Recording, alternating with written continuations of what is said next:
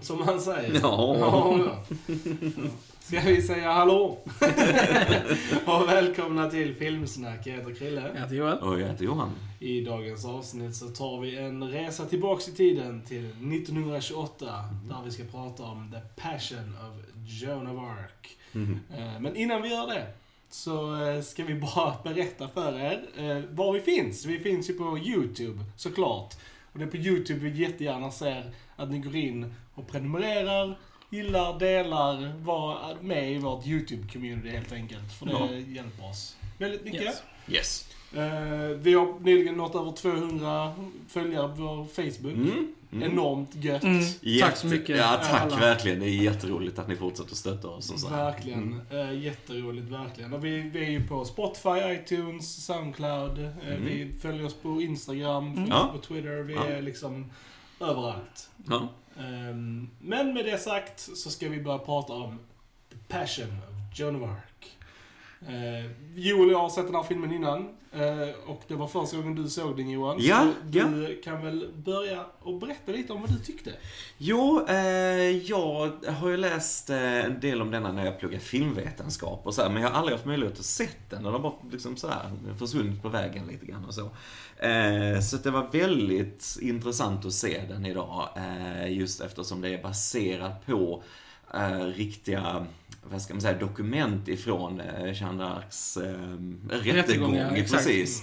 Eh, så det har en väldigt eh, intressant så här prägel för du vet att eh, alltså, dialogen i filmen alltså Mm. bara var det som sades, i alla fall hur det skrevs ner. Men det, Mm. det känns liksom väldigt realistiskt. Så det är en Mm. väldigt fascinerande grund att lägga allting på tycker jag. Mm. Eh, och i centret av detta så har vi ju Maria Falconetti ju då Mm. som d'Arc som är enastående. Ja, det I huvudrollen. Tänker jag på den här filmen så Ja. tänker jag på en rejäl close-up av henne och hennes ögon Ja. ungefär. Eh, som man liksom drunknar i och hon, hon är ju fenomenalt bra i Mm. den. Eh, just eh, vad hon går igenom i den här rättegången, att hon känner att hon har ju misslyckats då med sitt uppdrag då att eh, kämpa mot engelsmännen som har ockuperat norra Frankrike då. Det är ju när det här hundraårskriget ju Mm. som utspelar sig på 1400-talet och så.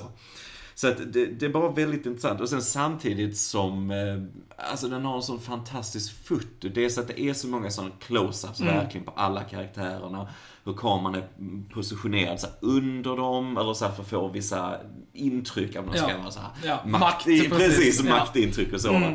Eh, och sen ver- verkligen gillar också att de klippte från det, om man säger dialog och så, här, nu är detta stumfilm och så, men till också väldigt rörliga bilder. Alltså hur kameran sveper över folkmassor och så. Mm. Ibland väldigt nära, ibland lite på avstånd och så. Eh, det gav liksom ett väldigt så här modernt intryck. Alltså det var en väldigt skönt flöde i filmen med ett sånt här ämne och det är ju ganska tungt och så. Jag själv är inte troende, Nej. men, men jag tycker det var liksom väldigt intressant ändå hur det här var återberättat Mm. på detta sättet. Det, det kändes väldigt modernt. Jag gillar att alla skådespelare äh, kändes väldigt så här naturliga. Mm. Det är inte det här Verkligen. överdrivna som i stumfilm det brukar vara att de är supersminkade och så här. Det fanns inget av det. Nej. Hon eh, Falconetti var ju väldigt så här eh, naturalistisk liksom på något sätt och så. Eh, så att jag tyckte väldigt mycket om det. Jag tyckte slutet var väldigt starkt, Mm. verkligen. Alltså det är ju Eh, ingen munter film överlag. Nej, det är alltså, det. det. Det är en tung tung film. Ja, en film. väldigt tung film. Eh, Så har man ett, jag tycker har man filmintresse Ja. ska man absolut se Ja. den här filmen. Är man ny till stumfilm, man har inte det, Nej. kan den vara tung att ta sig Det, an. man bör liksom, inte va? börja sin filmresa med Ben den här. Precis. Nej.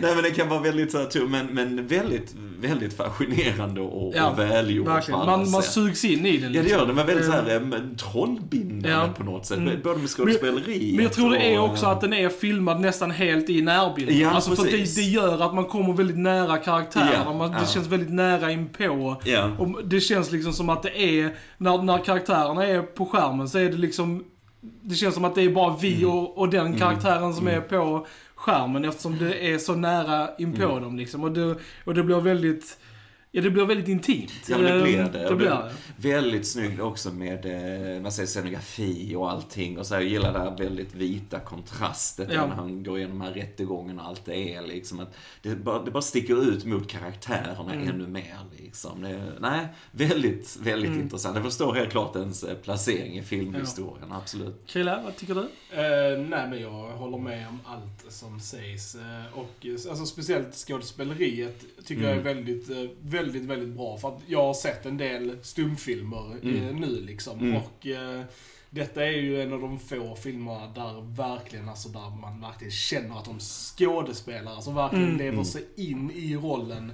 Alltså Maria Falconetti då liksom att alltså det är ju väldigt, väldigt eh, få gånger du ser alltså verkliga känslor. Alltså som typ att någon Ja. gråter Ja. eller Mm. trårar i stumfilmer. Mm. För att det är liksom känslor Precis, det, som det, oftast är du väldigt överdrivna. Eh. Ja. Ja. Men, men som sagt, detta har bara en, en level av realism som Ja. man inte ser i många stumfilmer. Så Mm. att denna alltså, är en klass för sig när det gäller skådespeleri i stumfilm. Mm. Ja, det, det känns verkligen år före sin Mm, tid ja. inom, inom genren på något sätt. Det var ju så här, alltså, bara the close-up användes ju inte så ofta i, i Mm. alltså, film på den tiden Nej. överlag. Så att, det- och just det här också att, um, att kameran rör sig så mycket och väldigt intressanta kameravinklar. Särskilt Ja. i slutet när den är liksom lite så här upp och ner och åker och folk springer förbi och liksom så här. Så det, det är väldigt, väldigt före liksom och väldigt, den pushar, pushar liksom the boundaries, vad man kunde göra på den tiden. Mm. Ja, vi har fotografen Rudolf Maté som har fotat den. Och det, jag gillar verkligen det fanns eh, scener. Ska vi prata spoilers? Det Den är snart göra. 100 år gammal. Ska vi prata spoilers? Spoilers. Jag skulle faktiskt vilja säga att jag tycker alla ska se den här filmen Ja, oavsett vad. verkligen. Faktiskt ändra Ja, mig till det. Eh, nej men det fanns också en eh, väldigt så cool scen när de skulle då rösta, de här domarna som Ja. skulle döma då vad de tyckte och de räckte upp handen och det var bara så snyggt och kameran bara panorera över dem liksom som en Mm. Berättelse i sig Ja. också och reaktioner från de andra och så Mm. vidare. Att även de hade sina eh, individuella åsikter kanske. Precis. Så. Det, nej, så det var mycket sån, man var rik på det också Ja. som detaljer. Och bara liksom. hur de visar alltså så här, kyrkans makt. För Ja, det, var ju många, ja. det var ju vissa av de här eh, prästerna då som inte egentligen kanske ville räcka upp handen, Mm. men liksom som fick ett eh, liksom, starkt stirrande öga mot sig. Ja, och liksom precis. så här, de Mm. satte sig ner och räckte upp handen liksom. Och det är det jag gillar också med den, att mycket sägs med bara de här närbilderna av folks reaktioner på vad som händer. Mm. För att filmen är hyfsat sparsam med sina intertitles. Där är ju såklart intertitles på sina ställen. Mm, Men oftast kan det gå ganska lång tid emellan när det kommer intertitles. Men man hänger ändå med vad som händer liksom. Ja. För att de är så, ja det är så tydligt liksom med Bara kameran för- och fotograf, alltså med Ja. skådisarna och allting. Ja. Bara för att förtydliga så är intertitles de här textrutorna som kommer upp med Ja, text. ja, Eh, exakt. Där, ja, så där, där dialogen sägs. Det är inte alla som har koll kanske. Nej. Nej, Ehm, Mm. Men det är kul för att den här är ju en av de få stumfilmerna från liksom 20-talet som är med på IMDBs topp 250-lista. Mm. Eh, Den är, ligger ändå på 214 plats eh, Ja. där. Ja. Och det, det tycker jag är väldigt... Men det tror jag har mycket med vad vi har nämnt här, alltså skådespeleriet och eh, att den känns så modern på något sätt. Alltså det är, det är rent unikt. Mm. Ehm, Den är regisserad av eh, Carl eh, Theodor Dreyer som är dansk. eh, Men som även har gjort, han har faktiskt gjort en svensk film också som är helt svenska. Han är väldigt, ehm, han är alltså en legend i Danmark. Alltså verkligen, Mm. alltså det är han. Och det finns väldigt så här fina eh, boxar från BFI där man kan i princip få tag i alla hans filmer. Mm. Så att om man vill se mer eh, av honom så... mm. eh, Det har varit en intressant studie Ja. tror jag. Mm. Han har gjort, som sagt, väl, de flesta filmer han har gjort är ju på danska liksom. Mm. Och eh, Mm. med danskt tal och så liksom. Mm. Så det är Det väl- blir väldigt kul med sådana här filmer, att, att vi kan se dem och sånt. För den här filmen var ju alltså considered förlorad Mm. väldigt länge. Mm. Och det Ja. var inte först på 70-talet Mm. som den hittades i liksom så här en italiensk estate. Bara sådär helt random och då hade de visat den här filmen för så här mentalpatienter. Eh, och det var typ så de hade använt den och sen så hittade de den och sen så kunde den Och det, spelas och det är ändå liksom. sjukt att, alltså så här, för den ser, alltså det ser så jävla bra ut på den Blu-ray, nu har vi kollat på den på Blu-ray. Ja. Och, och det är ju alltså nog för att den är filmad i närbilder som det är, alltså för bilden är ju så knivskarp, Oh ja. alltså. Mm. så här tydligt ja, ser man ju nästan inte folk i stumfilm. Nej. Det är ju väldigt så här, man ser porerna på dem liksom. Ja, men verkligen, Och det är alltså, väldigt, och väldigt Mycket, mycket näshår. Ja, Mycket näsor. Mycket flugor som går in och sätter sig i ansiktet. Ja, det, det är fint. Alltid en känsla av vara autentisk. Ja. Så, Och det roliga är att tydligen så byggde, alltså Dreyer så här jättestora sets och sånt för att skådespelarna skulle känna sig autentiska. Ja, men ja. vi ser knappt dem. jag skulle säga att- som du inte ser, Nej, skulle jag säga. Nej, men för att, för att han, det är mycket närbilder, men Mm. det är liksom bara för att bidra till skådespeleriet, äkthetskänslan som de skulle känna Mm. och liksom typ så här. Och det, jag gillar det. Det är typ som Sagan om ringen. Ja. När de så här, nej, men där, där gjorde de också så enormt mycket detaljer Mm. som, man, alltså, som publiken aldrig ser eller lägger märke till. Men det hjälpte skådespelarna Mm. att hamna på den platsen de behövde för att ta det på allvar. Liksom. Och, och likadant med denna då, att de verkligen så här byggde väldigt så här elaborate sets och sånt. Men som sagt, man ser inte så mycket av dem för att det är mycket närbilder. Men Ja, det är häftigt precis. ändå, jag gillar det liksom. Ja men verkligen, verkligen. Det, blir, det känns rikt. Det gör det. Och sen, Ja. sen blir det mer på slutet, sekvensen där. Ja. Så, liksom. Jag tror vi dock såg en annan version, för den versionen vi såg, på Blu-rays kan man välja så här massa olika versioner av filmen. Och jag tror vi kollade på den som var 20 frames per second med piano-soundtracket. För Mm. detta var lite mer så här klockor och Mm. lite, Ja, lite ja, gitarr och precis. sånt. eh, Så jag tror vi kollade på en annan version Mm. när du och jag såg den första gången. Så det var intressant att se den igen med ett annat... Musiken sätter ju Musiken sätter ton och, Ja. och jag tyckte denna var lite mer så här mer åt det ominous eh, hållet liksom. Lite mer så här tungt och dystert och så här. Medan pianoversionen, det var Var mer sorgligt och emotional. Mm. Och det, för det kände jag, för första gången jag såg den så var jag ganska emotional. Men jag tror det har mycket med soundtracket att göra. Så Mm. det var intressant att se den igen med en helt annan ton nästan. Liksom. Mm. Att, eh, Mm. Den kändes mycket tyngre och mörkare denna gången. Än vad jag tyckte, ja, det hade mer en slutscenen. speciell eh, slut- slutscen. Ja, Mm. som Som är, vi pratar om spoilers, det är ju då när hon bränns Ja. och, och det blir, eh, ja alltså uppror i stan Ja, basically ja. och eh, det blir liksom mystiskt. Men alltså, fan det, det, det bilden när hon bränns är Ja, det ser hemskt alltså. Det ut. ser Ja. riktigt Det, tragiskt det ut. ser alltså. genuint Ja. ut som de bränner upp en. Ja, det är ja. riktigt kusligt hur otroligt välgjort det är. Och Mm. jag gillar verkligen de här, det var en sån riktig close-up, lite, eller lite silhuett där Ja. på något sätt. Och såg hur flammorna och så här gick. Alltså det, det kändes Mm. enormt autentiskt. Alltså. Man tycker så synd om typ såhär när hon kramar korset och de ska ta det ifrån henne. Man Mm. typ bara liksom, just let her keep the damn cross. man typ bara liksom, man det är mycket sånt. Man tycker så synd om henne i så många olika scener liksom. Man typ bara såhär, fan. Leave that poor girl alone. alltså, Ja. Och det är ju så de får en. Alltså prästen Ja. använder ju hennes religion, alltså hennes kärlek till hennes religion Emot mot henne. henne. Ja, ja. Att, eh, för de ska ju lura henne och så här signera det här pappret. Ja, Och precis, Liksom, så precis. här, ja men jag är skickad av djävulen och allt jag säger är lögn liksom. Mm, mm. Och då är det liksom, ja men du får göra så här trosbekännelsen, mitt i när du ska få det här oblatet Ja. så stoppar de det och liksom Ja. okej. Skriv under annars så får du inte, Mm. Nej, då, är, då är det. Kristi kropp Precis. du re- rejectar här liksom. Vad gör du? Och, ja, det är så här- Och de, de scenerna, man ser bara hur ont det gör i henne Ja, liksom så här, ja.